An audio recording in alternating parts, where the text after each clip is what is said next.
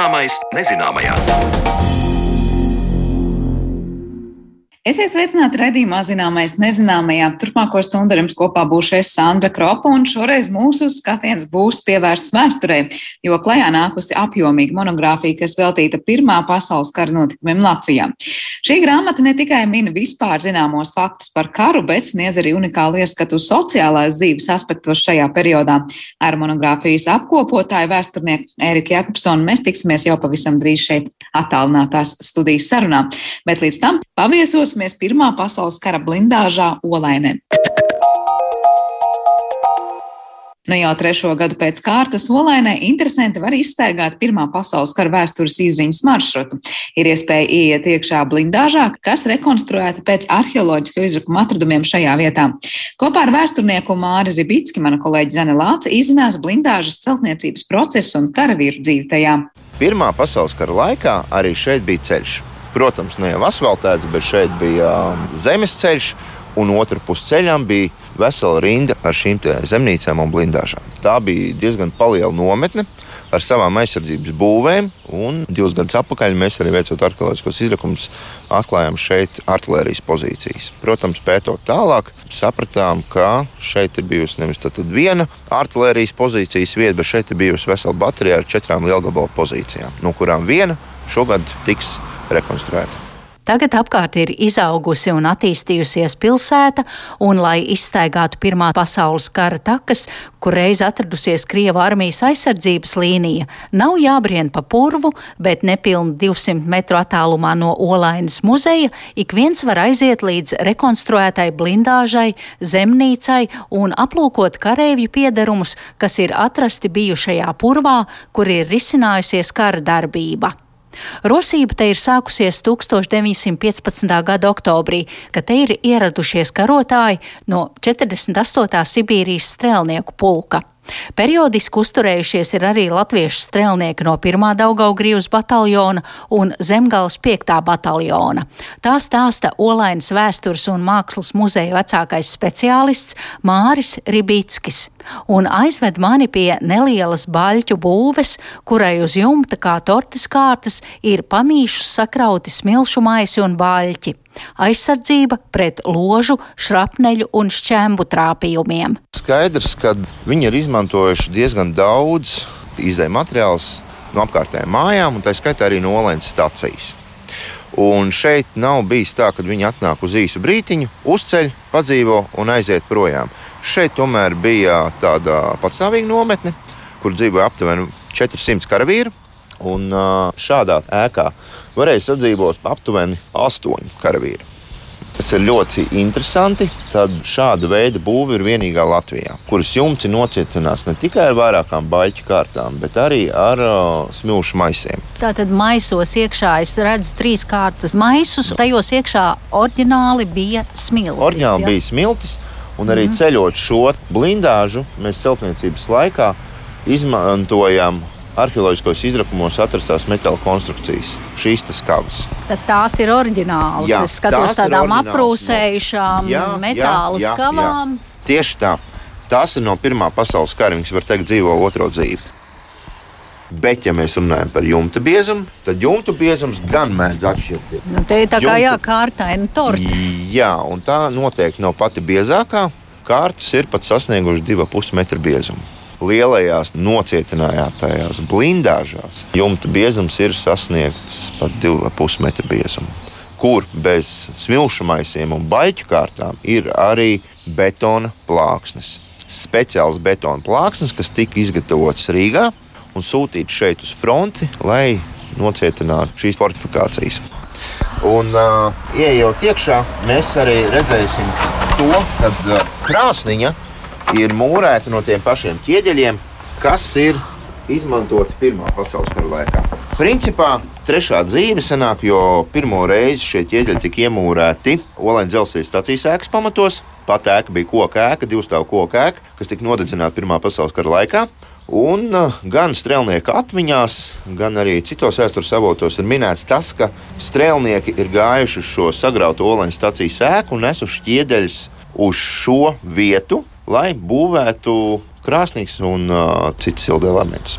Tad es skatos šobrīd uz tādiem krēmkrāsas ķieģeļiem, bāliem. Pildītajiem. Es pieņemu, nu, gadsimta sākumā tajā olainas stacijā, 20. gadsimta sākumā mūrēja to krāsniņu, vai varbūt pat 19. gadsimta beigas. Olainas stacija vispār mēs runājam par 19. gadsimta otrā pusi, jo dzelzceļa līnija Rīga-Jelgava tika atklāta 1868. gadā. Un, protams, 1915. gadā sagraujošo stacijas ēku, tad arī mēs varam teikt, ka 1915. gadā viņi dzīvo šeit otro dzīvi. Viņi tiek iemūrēti šajā krāsniņā. Nu, arheoloģiskos izrakumos mēs arī atradām šos ķieģeļus, noteicām krāsnīs atrašanās vietu. Nu, protams, pilnībā rekonstruēt, kāda tā krāsniņa nebija, bet aptuvenos izmērus mēs esam ievērojuši. Es domāju, ka sanāca nu, diezgan tuvu īstenībai. Par to grieztu augstumu, jā, par to jau arī tas tiek minēts. Jā. jā. Pirmkārt, tas ir arī tādēļ, lai telpa ātrāk sasiltu. Tādēļ arī nav griezta augstums 2,50 un 3,40, jā, bet uh, ir arī krietni zemāki griezti bijuši. Tas pirmkārt ir arī koku materiāla taupības ziņā, otram kārtam tas ir, lai telpa ātrāk arī sasiltu. Un šeit gar malu ir uh, uztaisīts no bērnu baļķiem lāviņas, kur karavīriem gulēt un atpūsties. Jā, uzturēties. tieši tā no bērna, jo arī arheoloģiski izrakumi parādīja mums teiksim, šo materiālu, kā jau es minēju, tāpēc mums bija ļoti svarīgi veikt šos izrakumus lai pēc iespējas maksimāli precīzi varētu rekonstruēt šo ainu, kāda ir bijusi. Lāmiņas atrodas tajā vietā, kur viņas arī bijušas. Ir. Un, protams, viens no biežākajiem ekskursantu uzdotajiem jautājumiem un apmeklētāju uzdotajiem jautājumiem ir, kāpēc tieši bērns, kāpēc ne egle vai kā savādāk? Atbilde ir ļoti vienkārša un no praktiskās puses sveķi. Jā, tie ir sveķi, ja, un tad izmantoja lapu koku, ja, kas teiksim, nesmērēja šīs drēbes un matus. Bet, protams, bija gadījumi arī, ja, kad izmantoja šo sveķu koku, ja gadījumā nebija tūmā bērnu, nu, teiksim, lapu koki. Nu, tad arī strēlnieku atmiņās mēs varam redzēt to, ka ir gan mati, gan drēbes, visas pilnas ar sveķiem. Bet šajā gadījumā šeit tika izmantots bērns. Uz grīdas mēs atradām salmu un egļu zaru sajaukumu, aptuveni 3 cm biezumā, un, protams, arī dēļu fragmentus kas liecināja to, ka grīda bijusi no dēļiem. Šobrīd gan mēs esam viņu maz drusciņi, maz drusciņi pacēluši augstāk nekā oriģināli, bet tas ir, lai ilgtermiņā šī ēka saglabātos. Taču pārējais viss ir ievērots tā, kā tam ir jābūt nesošo konstrukciju izmēri un uh, novietojuma vieta atbilst tam, ko mēs atradām arheoloģiskos izrakumos. Tie ir rupi tēsti, bet tie jau nav bērni. Šis jau ir kas tāds - nē, nē, nē, nē. Egle, egle un priede. Egle un priede, egle un, priede jā. un uh, ar tās spraugas ar, ar, ar sūnām. Jā, siltuma izolējušais materiāls mm. ir mhm. sūnas tad te patie karavīri arī, es pieņemu, kauju starp laikos tos kokus ir cirtuši un, un, un būvējuši šo blindāžu. Tieši, tieši tā. tā. Un uh, Polijas fronti, fronts iecirkni var teikt, tā, ka šeit diezgan daudz ir uh, nocietinājumus ierīkojuši gan civiliedzīvotāji, gan speciālās sapierotas, kas veic šo nocietinājumu būvu. Tā kā nu, grūti ir pateikt, vai šo ir būvējuši paši ierīnas karavīri, jeb šīs speciālās sapierotas, jo iedzīvotāji pārsvarā tika izmantoti tranšēju rakšanas darbos un, un ceļu būvēm. Nakti pavadījām netālu no kaujas lauka artērijas blindāžās. No rīta bija jāiet uz lapsām, netālu no olēnas stacijas, kur dažas dienas un naktis pavadījām zem klajas debesis, mežā. Dabūdam zināt, ka vēl dažas dienas būs jāpaliek uz vietas, stājamies enerģiski pie zemju būdu celšanas. Zemnīcām durvis aiz dēļu trūkuma sapinām no paegļu zariem. Eņģēmas, tiepulis un krāsnīm ķieģeļus varēja pa pilnam dabūt nopostītajā olēnas stacijā, kur, kā mūsu kaimiņi krievi stāstīja, nevarot iet, jo vācietis varot redzēt un apšaudot. Daudzas karavīru atmiņas olains vēsturnieks ir atradis, vētījot Krievijas arhīvos pieejamos kaujas žurnālus, taču nulle dzirdēto fragmentu no latviešu strēlnieka stāsta var lasīt 1925. gada janvārī publicētajā Jēkabpils vēstnesī, kas digitālajā versijā ir rodams interneta vietnē periodika LV. Par šo vietu ir arī diezgan skaudras atmiņas. Latviešu strēlnieki raksta to, ka atnākot uz šo vietu, visas zemnīcas jau ir bijušas aizņemtas. Līdz ar to alternatīva ir ārā pie ugunskuriem. Tā kā šie apstākļi vēl bija īstenībā ļoti, ļoti labi. Galvenokārt, protams, cilvēki rūpējas par drošību, Kā jau minēju, blindāža tā ir aizsardzības būve, galvenokārt, nu, kuras otrā funkcija tomēr ir pielāgot dzīvošanai. Tādēļ arī pretējā pusē jūs neieraudzīsiet nekad logu, jo Jā, tur atrodas fronte. Būvēi ir divas funkcijas - dzīvošana, aizsardzība. Un te es arī redzu, ka te ir uz vienas lāviņas uzklāts eh, brezenta audums, vai Jā. tāds arī to laiku te bija, ko vienkārši pārlika salmiem pāri, vai arī gulēja uz. Nu, gulēja gan uz uh, salmiem, gan arī gulēja uz egļu zariem. Praktiski pielāgoja visu to, kas bija pieejams. Nav tāda viena noteikta standarta, izmantoja to, kas bija pieejams. Bija kāds sēdziņam, bija teiksim, kāds pilventiņš vai kaut kas tāds, ja, tad to arī izmantoja. Ja nebija, nu, tad mantu maisā salika sienu vai zāli, un lūk, tā bija ļoti foršs un jauks pilvens. Māra, vai tajos materiālos jūs arī esat atraduši, vai karavīri ir rakstījuši, kā viņi jutušies? Tika aprakstīts diezgan daudz sajūtas šie izlūgājieni pa purviem, slapjās kājas, salšanas naktis pie ugunskuriem, ilgošanās pēc mājām. Tas ir tas, kas visbiežāk tiek atspoguļots šajās karavīru vēstulēs. Un uh, atmiņās diezgan precīzi var noraksturot tā laika karavīru sajūtas dzīvojot šeit, pie Rīgas purvos.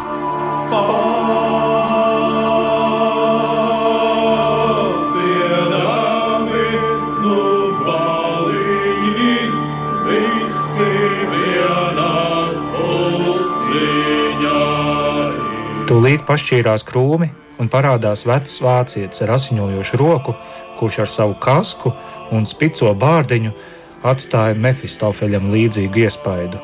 Viņš sauc, lai nešaujot, jo mājās esot pieci bērni, saņēmām viņu gūstā. Viņa aizveda krievu kareivi. Ar savu salīdzinājumu varbūt daru viņam pārestību, varbūt viņš bija godīgs ģimenes tēvs, atrauc no sava ikdienišķā darba, bet tajā brīdī viņš atstāja sliktu iespaidu. Bija pēc tam gadījums, kad biju ļoti sašutis par karu, redzot kādu grūti ievainotu ienaidnieka mokas, bet visi šādi brīži varēja atstāt tikai garām ejošu iespaidu, jo bija karš. Tā Pirmā pasaules kara notikumu solainē purvā pie lapsu mājām atceras strēlnieks Ābeltiņš 1929. gada 1. janvārī publicētajā izdevumā Latviešu strēlnieks bet rekonstruētās kara takas ir vēsturisko vērtību saglabāšana un vēstījuma nodošana gan mūsu, gan arī nākamajai paaudzei. Tā par paveikto olainē un šo kara taku rekonstrukcijas turpināšanu teica vēsturnieks Māris Ribickis.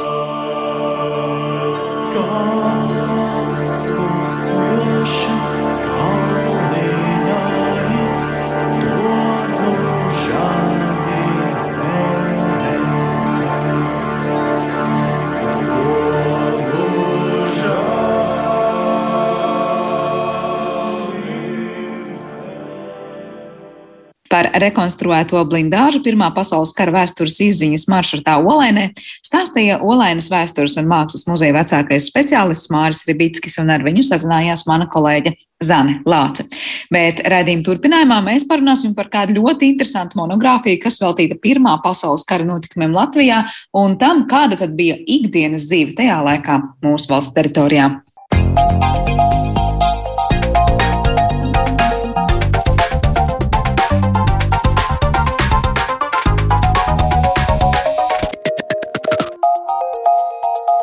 Zināmais nezināmajā.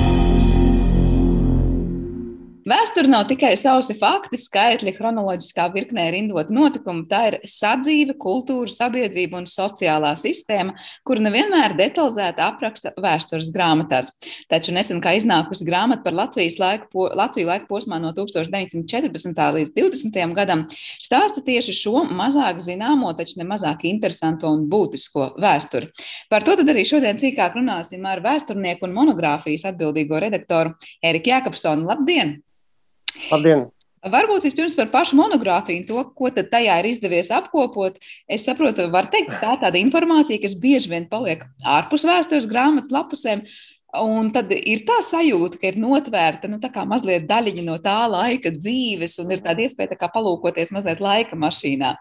Kas ir šajā monogrāfijā apkopots un kā ir izdevies pie šiem materiāliem tikt? Jā, nu patiesībā, ja mēs raugāmies tieši, tieši uz monogrāfijas tēmu, tad uh, mērķis bija parādīt to, ka attiecīgi vēsture nav tikai politika un karš, nu šī gadījumā karu vēsture tur kādas, kuras ir nosaukumos, nav tikai sēdešana ierakumos un karošana ierakumos, un varbūt kabinetos, ministru kabinetā un tā tālāk pie valdības galdiem, bet uh, karš skar visu sabiedrību. Ja, pareizāk sakot, būtībā jebkurš vēstures notikums, jebkurš process, ceļš 19. un 20. gadsimtā, protams, ka skar uh, visu sabiedrību un visas sabiedrības dzīves sfēras.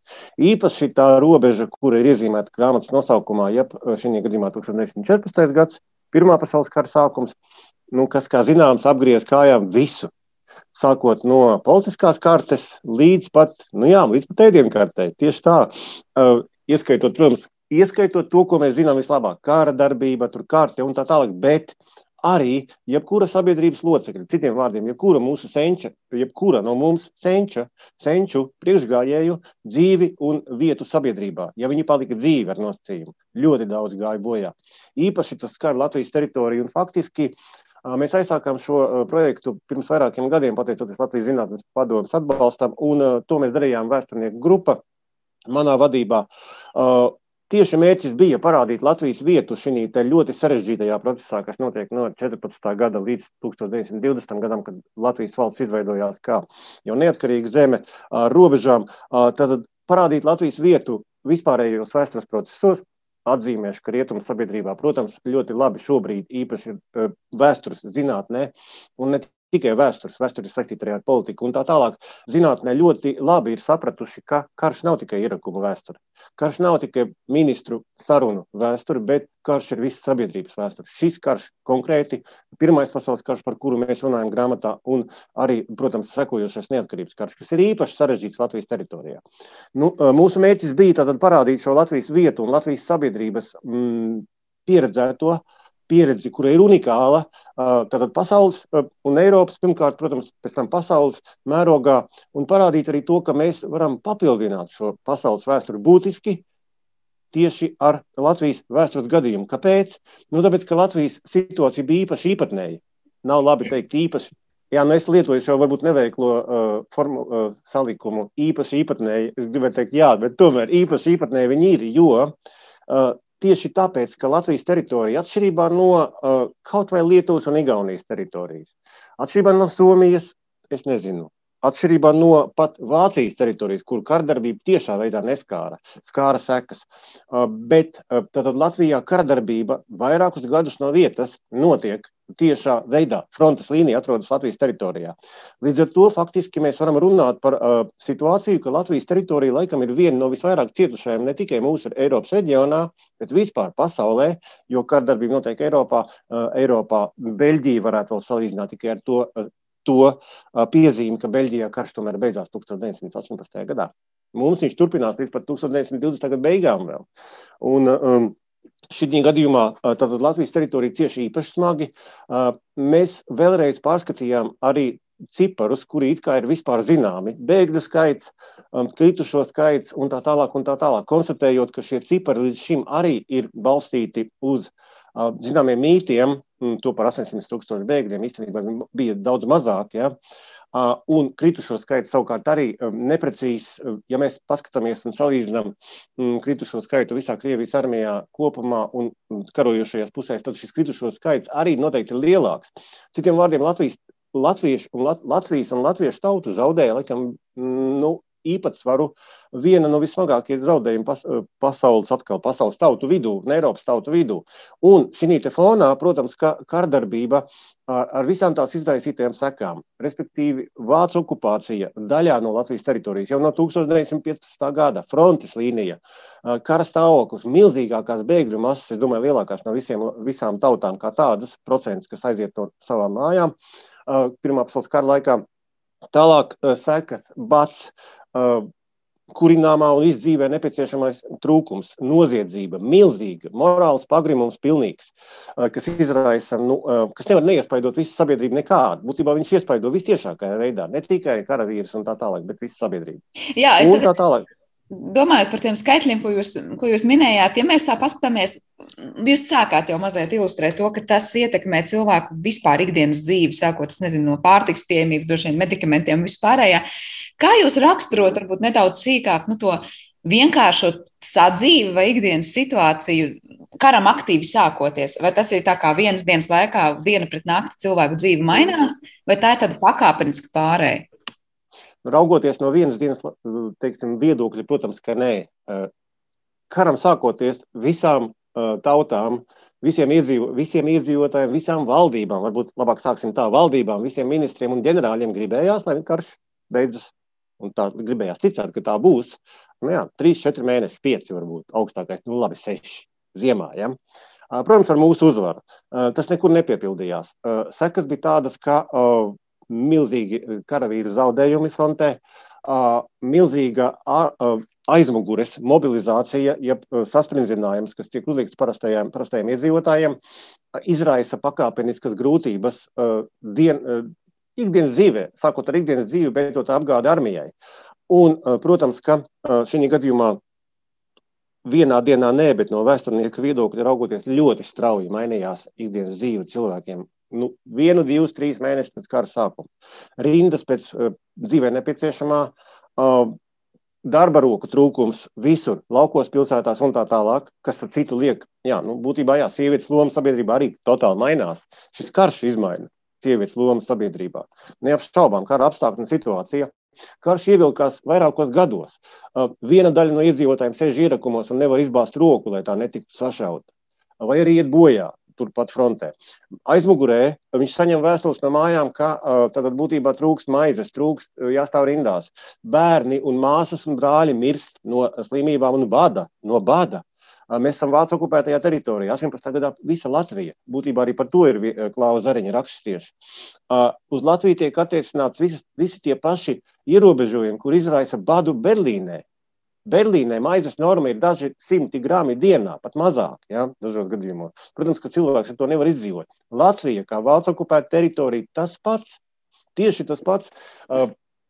Tālāk seko bolševiku laiks, bats un uh, reāli būtībā 6, 7 gadi, uh, kas pilnībā izmaina sadzīvi pilsētā. Ne tikai apgādē, bet arī uzskatos. Kultūras vērtības sabrukums, iepriekšējo kultūras vērtību un dzīves, eh, dzīves priekšstatu par dzīves sabrukums un izmaiņas. Un to visu mēs parādām grāmatā caur atsevišķiem mm, jomām, caur atsevišķiem gadījumiem. Ja, būtībā tā tad ne tikai uh, mainās šie cipari, kā mēs konstatējām, kas pieņemts, ka vispār zinām par bēgļu skaitu, viņš ir mazāks. Vēlreiz atkārtoju, kritušo skaits neapšaubām ir lielāks, un armijā iesaistīto skaits tāpat uh, latviešu un Latvijas iedzīvotāju. Um, milzīgi zaudējumi arī Krievijas pilsoņu kara uh, kaujās un, un norisēs tīfā, slimībās, slaktiņā un teroros un tā tālāk, kas šeit valda visā reģionā, arī Latvijā, pateicoties tam, ka bolševiku vara šeit ienāk. Nu, fakts ir, ka Tātad, protams, nevienā dienā, nevienā dienā mēs varam teikt, ka izmaina situāciju vienā dienā vai divās dienās, nu, nedēļā, kurai ir lemts izmainīt situāciju ļoti strauji, bet, protams, nevienā dienā, nu, dažu mēnešu laikā, būtībā 15. un 16. gadā jau ir redzams izmaiņas, un 18. gadā totāls izmaiņas. Es tā iedomājos, vai tā laika cilvēki to uzreiz saprata, ka tas būs tik ilgi, un tas tomēr ir uz tik nopietnām lietām, vai tā kā līdzīgi jūs teicāt, nu, vadība valsts domāja, ka tas būs dažu mēnešu jautājums, ka cilvēki arī ticēja, ka tas ātri beigsies. Um. Protams, ka šī gadījumā 1914. gadā, kad sākās karš, nācijas, reģiona nācijas, ieskaitot latviešu nāciju, būtībā jau ir nobrieduši savam valstiskumam. Un tas nozīmē ļoti augstu patriotismu līmeni. Un šis patriotisms ir vērojams visās pilsētās, kad sākās karš, uh, demonst ielu demonstrācijās, prieku un sajūsmas demonstrācijās, patriotisms, būtībā cerība, ka cīnoties ar Vāciju, tad, tad tiks uzlabos latviešu stāvoklis Krievijas impērijā, mainīts viņš līdz pat autonomijai, iespējams, dodot tiesības un tā tālāk. Jā, tas ir latviešu gadījums, bet būtībā tas ir visur. Visi iedzīvotāji līdz ar to grib ticēt, un, protams, tic cilvēks ir tendēts, vienkāršais sabiedrības loceklis ir tendēts ticēt tam, ko saka vara, ir ceļš jau šajā laikā. bez demokrātijas pieredzes mēs dzīvojam līdz tam. Jā. Un, protams, ka vara saka, karš beigsies, karš beigsies līdz, nu, līdz ziemai, teiksim tā, vai līdz pavasarim augstākais pēc tam jau. Jā. Un, uh, attiecīgi, šeit, protams, ka vienkāršais cilvēks grib ticēt, bet uh, jā, nu, piesardzīgi uh, un inteliģentākie virsnieki un gudrākie sabiedrības teiksim, elites pārstāvji, protams, saprot, ka iespējams kaut kas ir mainījies. Uh, iespējams, ka karš būs ilgāks, bet tam negribās ticēt. Galu galā ģenerālis nevar ziņot ka, uh, caram vai karalim vai ķēzaram, ka, attiecīgi, nu, piedodiet, karš nebeigsies trīs mēnešos, jo tādā gadījumā viņš viņam pajautās, kāpēc tu šeit esi, ja ne, lai izdomātu plānus, kā šo kāru nobeigt maksimāli strauji. Nu, tas ir tā, bet fakts ir, ka Vienkāršais cilvēks 14. gada vasarā ar bažām izturās pret karu. Karš vienmēr ir nepatīkams. Nu, nostāstiem no vecākiem kaut vai jau, jā. Bet, jebkurā gadījumā, jebkurā gadījumā gribās ticēt tam, ko vara saka, ir taisnība. Nu, viņi taču gudri cilvēki. Viņi saka, ka karš beigsies ātri, tad, tad ticam. Tad var teikt, ka kaut kur zemapziņā cilvēki jūta, ka nav labi un ka tas ir uz ilgu laiku, bet nu, kaut kā ļoti, ļoti gribēja vienkārši ticēt tā, tam stāstam. Tieši, tieši, tieši, jā, tieši to es gribēju pateikt. Kā, es nezinu, cik daudz ziņu ir jūsu vēsturnieku rīcībā. Nu, kāds bija vispār tā laika diskusijas sabiedrībā, savstarpējās cilvēki, par ko viņi runāja? Nezinu, tas ir tās par tādām virtuves līmeņa sarunām. Jā. Cik ļoti cilvēki bija tajā iekšā, vai tā bija tāda nu, diezgan maza informētības mm. pakāpe? Nu, protams, ka maza informētības pakāpe. Un būtībā zināja to, ko saka uh, elite. Šajā gadījumā uh, ģenerāļi un valdības. Bet, protams, ka šis arī ir vēl viens jautājums, kas ir nākotnes pētniecības lokā. Latvijas vēsturē ir ļoti maz tēmu, kuras ir izpētītas pilnīgi atbilstoši kaut vai rietumu uh, valstu attīstīto standartam. Un mums tas viss vēl ir priekšā. Būtībā šeit mēs iezīmējam neapšaubām, ka vēl pētāmā ir daudz. Grāmata ir iezīmē problēmas, kuras Latvijas gadījumā ir unikālas, un to mēs arī pierādām grāmatā. Bet, protams, par sabiedrības noskaņojumu arī mēs šobrīd redzam vispārīgās tendences. Vispār, saskaņā ar vispārīgām šādām tendencēm, es varu teikt, ka noteikti uh, jā, uh, ārēji neapšaubāmi prieks un sajūsma, vai vismaz ārējais prieks kā tāda un sajūsma. Un zināma bažas tomēr ir neapšaubām, jo karš nevar neizraisīt bažu. Mēs nezinām, vēl, kāds būs karš. It īpaši ņemot vērā ieroču attīstību, it īpaši zinot to, ka Krievijas-Japānas karā jau daudz ir krituši latvieši, un šīs ziņas sasniedz, protams, dzimteni. Mums nav pat viņu kapu vietu šeit. Mums vienkārši kapos zīmes, ka tādam un tādam apglabātam tālajos austrumos, vai Ķīnā, vai Japānā, pie Japānas. Un, protams, tas izraisa zināmas bažas. Un, nevar neizraisīt, bet vienlaicīgi gribās tomēr ticēt. Un šī dominējošā ticība nosaka arī cilvēku rīcību ne jau tikai Latvijā, bet arī Pēterburgā, Berlīnē, tā pašā Vīnē un tā tālāk. Jūs minējāt par tiem bēgļiem, ka to ir bijis mazāk nekā uzskatīt līdz šim. Kā tad īsti sanāk? No vienas puses cilvēki saprata, ka nav labi, un no otras puses labi ir tas patriotisms, varbūt vilnis vai kā. Cilvēki nebija gatavi tik daudz doties bēgļu gaitās, kā, kā nu, mēs uzskatām, vai viņiem nebija iespēja to izdarīt. Nē, šeit nav runa par to, ka nebija iespēja būtībā devās, bet eh, lieta tāda, ka līdzinājos aprēķinos, kur ir runa par 850 tūkstošiem dažkārt pat bēgļu, kas ir pametuši Latvijas teritoriju, viņi ir nepareizi, tāpēc, ka nepareizi tiek iziets no uh, kurzemes uh, iedzīvotāju skaits, kā tāds netiek pareizi aprēķināts. Viņš īstenībā bija mazāks. Uh, un uh, pats svarīgākais, es šeit negribu iedziļināties detaļās, jo tas būtu sarežģīti un grūti uztverami vārdos, bet es tikai teikšu tā, ka lielākā daļa, liela daļa gandrīz puse no bēgļiem nepameta Latvijas teritoriju. Kurzemes bēgļi apstājās vidzemē. Viņi tur arī palika. Uh, respektīvi, nevar runāt par to, ka ir pamestu, pametuši Latvijas teritoriju. Un, uh, jā, un plus tam, ka uh, Izaisa materiāli bija, eh, skaitlis bija mazāks. Plus tam vēl tiek rēķināti arī ar bēgļiem, tiek ieskaitīta arī eh, strādniecība evakuētie no pilsētām, kas tur atradās daudzos gadījumos, kas nebija latvieši, kas tur vienkārši atradās kā sezonas darbos gandrīz. Un līdz ar to šis bēgļu skaits būs mazāks, neapšaubām, bet Protams, ka 1915. gadā, kad eh, no Latvijas teritorijas, no Kurzemes un Zemgales sākas šī bēgļu kustība, nu, viņi jau ir pārliecināti, ka karš ir šausmīgs. Par to runā jau tagad atklāti. Pilnīgi eh, šī brīdī jau runā atklāti arī ģimenēs un virtuvēs.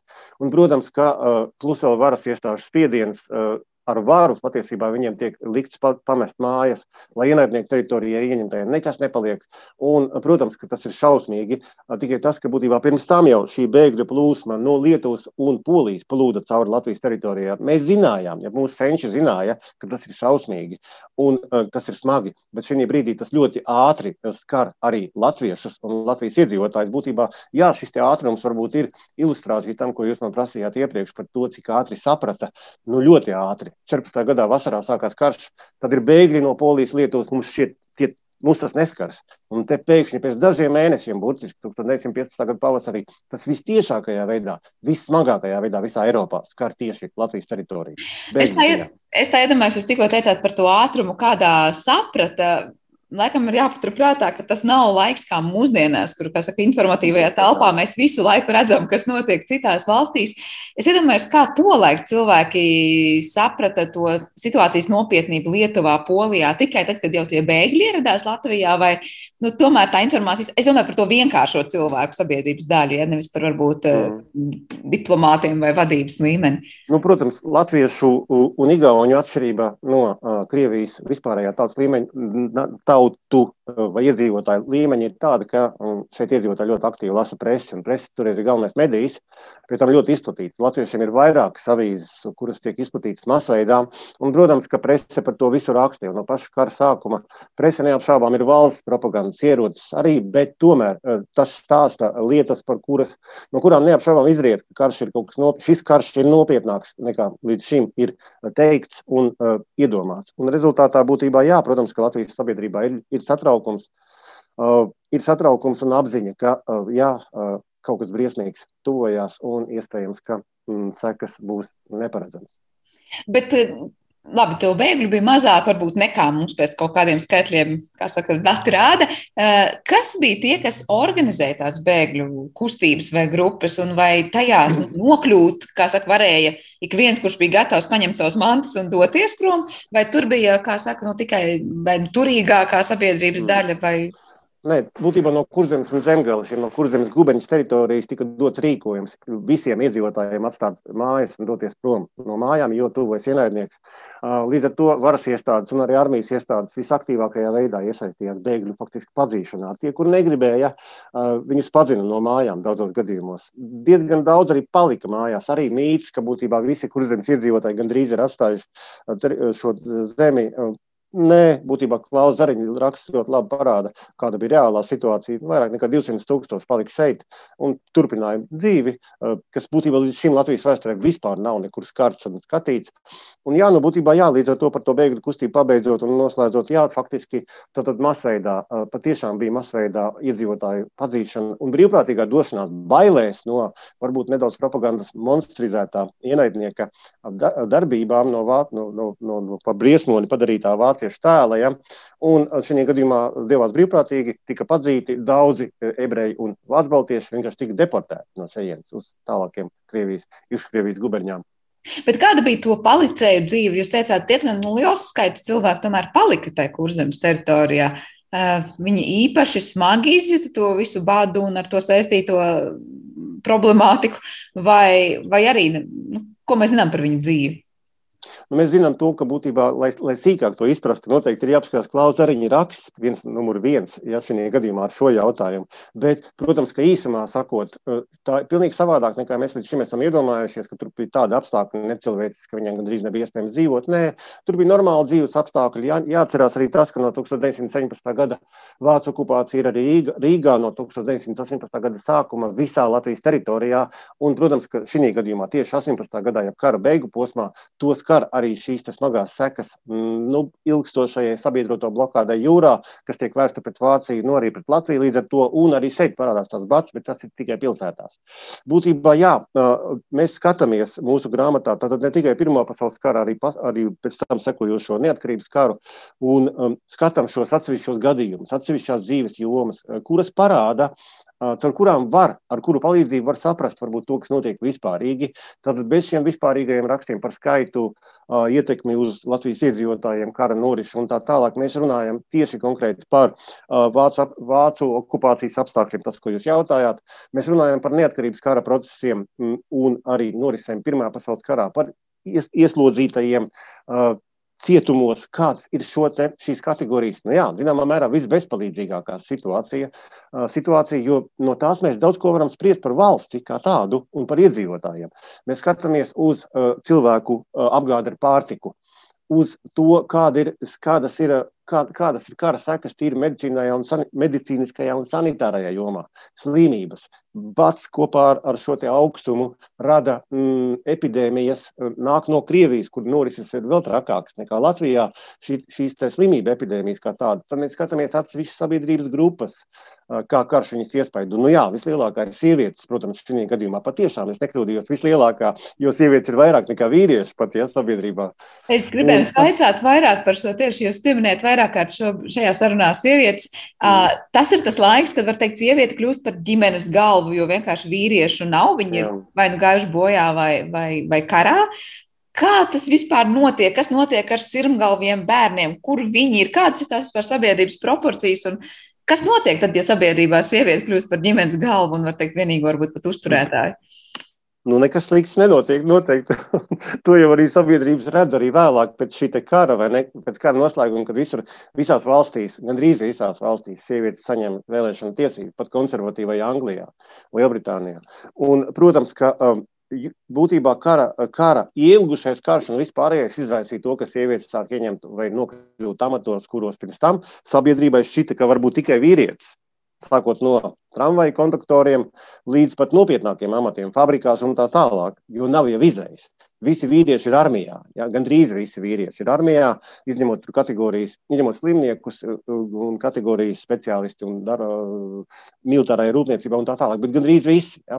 Un, protams, ka līdz ar to sieviete kļūst ne tikai par šo ģimenes galvu, bet arī par, nu, jā, par, par, par faktiski atbildīgo par, ah, par bērniem, jā, par sirmgalvu palīdzību un tā tālāk. Nu, jā, būtībā tas funkcijas, ko pilda ģimenes galva, varbūt arī tā var teikt.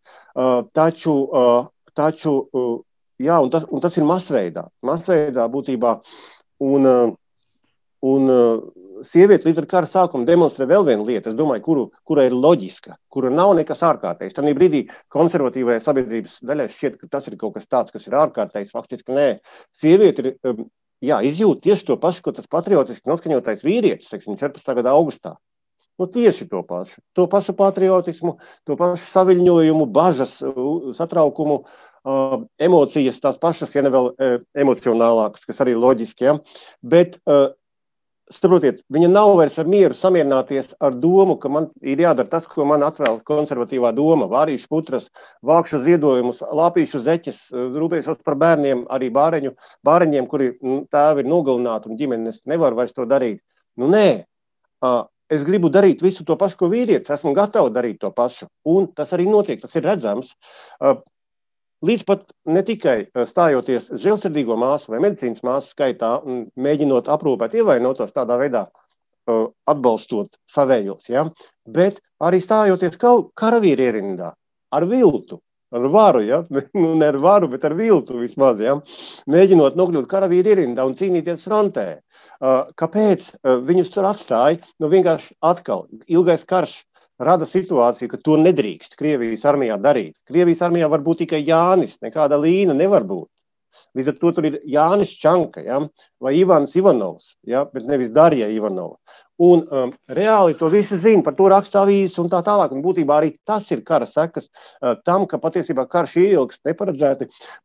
Karavīri nu, nevar vairs karot, negrib karot tā, kā viņi to gribēja 14. gada vasarā. Nav gatavi doties uzbrukumā otrajā, kur visticamāk viņus nogalinās. Un tagad būtībā šis komandieris atstāja šo meiteni ierindā, kā Ivanu vai uh, Jāni, uh, formāli. Visi zina, ka viņš īstenībā ir līnija ja, vai viņa. Un uh, būtībā Jo ko tas nozīmē? Tas nozīmē, par, par viņiem raksta avīzes, nu, to neslēpj. Tas ir būtībā neslēpjoties notiek. Kāpēc? Nu, vienkārši tāpēc, ka būtībā karavīram, kas ir īsts Jānis, tas būs nērti neskriet tādā uzbrukumā, kliedzot urā, vai ne? Ja to dara Līna galu galā.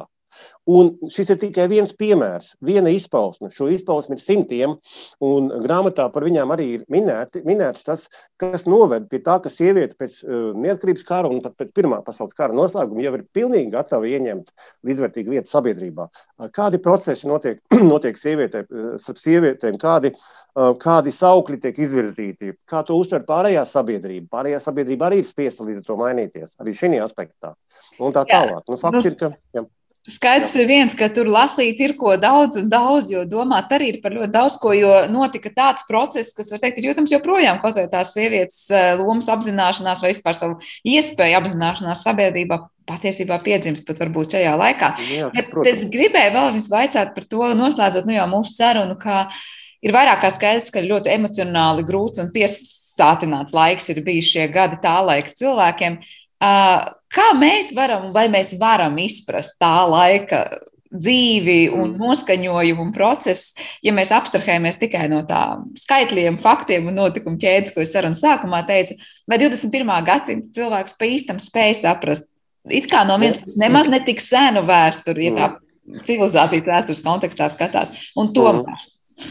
Nu, būtībā, jā, jautājums ir atbildams divās plaknēs. Pirmajā plaknē nav iespējams saprast, ja mēs nokļūstam, nokļūstam faktu priekšā, neizprotot šo kontekstu kā tādu. Bet uh, otrā plaknē mēs neapšaubām varam izprast. Varam izprast norises, kurās ir piedalījušies mūsu priekšgājēji, to arī sacītu emocionāli ir svarīgi izprast, ka būtībā mēs runājam un mēģinām izprast notikumus un norises, kurās ir tieši piedalījušies mūsu vecvec, vecvecāki, tieksim, kā tādi, ir bijuši spiesti risināt šos jautājumus. Tas palīdzēs uh, saprast to, kas notiek uh, ar, nosacījumu, ar nosacījumu, ka mēs mēģinām skatīties uz Latviju nevis izolēti, nevis izolēti šī telpā, jo tas nav nekas unikāls. Latvijas notikumi un norises nebeidzas tur, kur Latvijas robežas. Diemžēl mēs bieži tā mēģinām tomēr skatīties joprojām.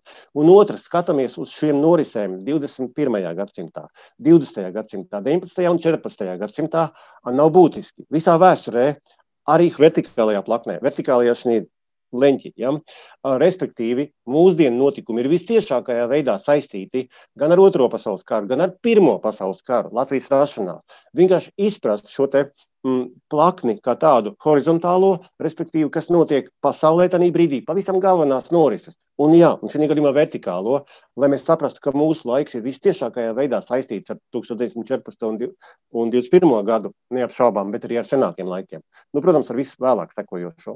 Mūsu nesenie notikumi to pierāda 90. un 91. Latvijas valsts atjaunošana, 21. gadsimta sākums, NATO, NATO iestāšanās un tā tālāk. Es šeit minu vienkārši triviālus faktus, kas ir labi zināmi, bet tas ir pierādījums, ka tiem cilvēkiem, kas dzīvoja otrā pasaules kara sākumā, kuras svarīgumu mēs atzīstam, bija ļoti labi zināms Pirmais pasaules karš. Pieredze darbojās tajā brīdī uz to attiecībā. Nu, šeit varētu turpināt, bet es tikai gribu pateikt īsumā, ka tas ir saistīts savstarpēji. Ja mēs tā skatāmies, mēs saprotam skatīties no pareizās perspektīvas un pēc iespējas plašākus un, un attālinātākus, un arī tajā Jā, un dziļāk. pietuvinātākus. Un neaizmirst to, ka arī to laiku, lai arī kāds mums liekas, bija cits laiks un citi notikumi, tie bija tie paši cilvēki ar tām pašām tieši emocijām, kādi mums ir. Ikdienas izaicinājumiem un sajūtām, bailēm un viss pārējā, kā arī 21. gadsimta cilvēkiem. Mm. Nu, ko liels paldies jums par šo sarunu, kur laikam mēs tikai ieskicējām daļu no šī ap, apjomīgajā darbā rakstītāja. Saprot, ir daudz pētnieku strādājuši kopā, lai to visu izpētītu un līdz mums nodotu. Un tad paldies par šī visa monogrāfijas apkopošanu. Tad atbildīgais redaktors un vēsturnieks Eriks Jakobsons šodien bija mūsu attālinātās studijas viesis. Ar to arī šis raidījums ir izskanējis. Teikšu paldies arī producentei Paulai Gulbinskai un mūzikas redaktoram Girtam Bišam, kas parūpējas par mūziku šajā raidījuma pustundā. Ar jums kopā bija es Sandra Kropa. Mēs tiekamies atkal rīt, un vēl tikai piebildīšu, ka raidījumu zināmais nezināmajā var klausīties ne tikai Latvijas Rādio 1 ētrā, bet arī populārākajās podkāstu vietnēs. Uz tikšanos!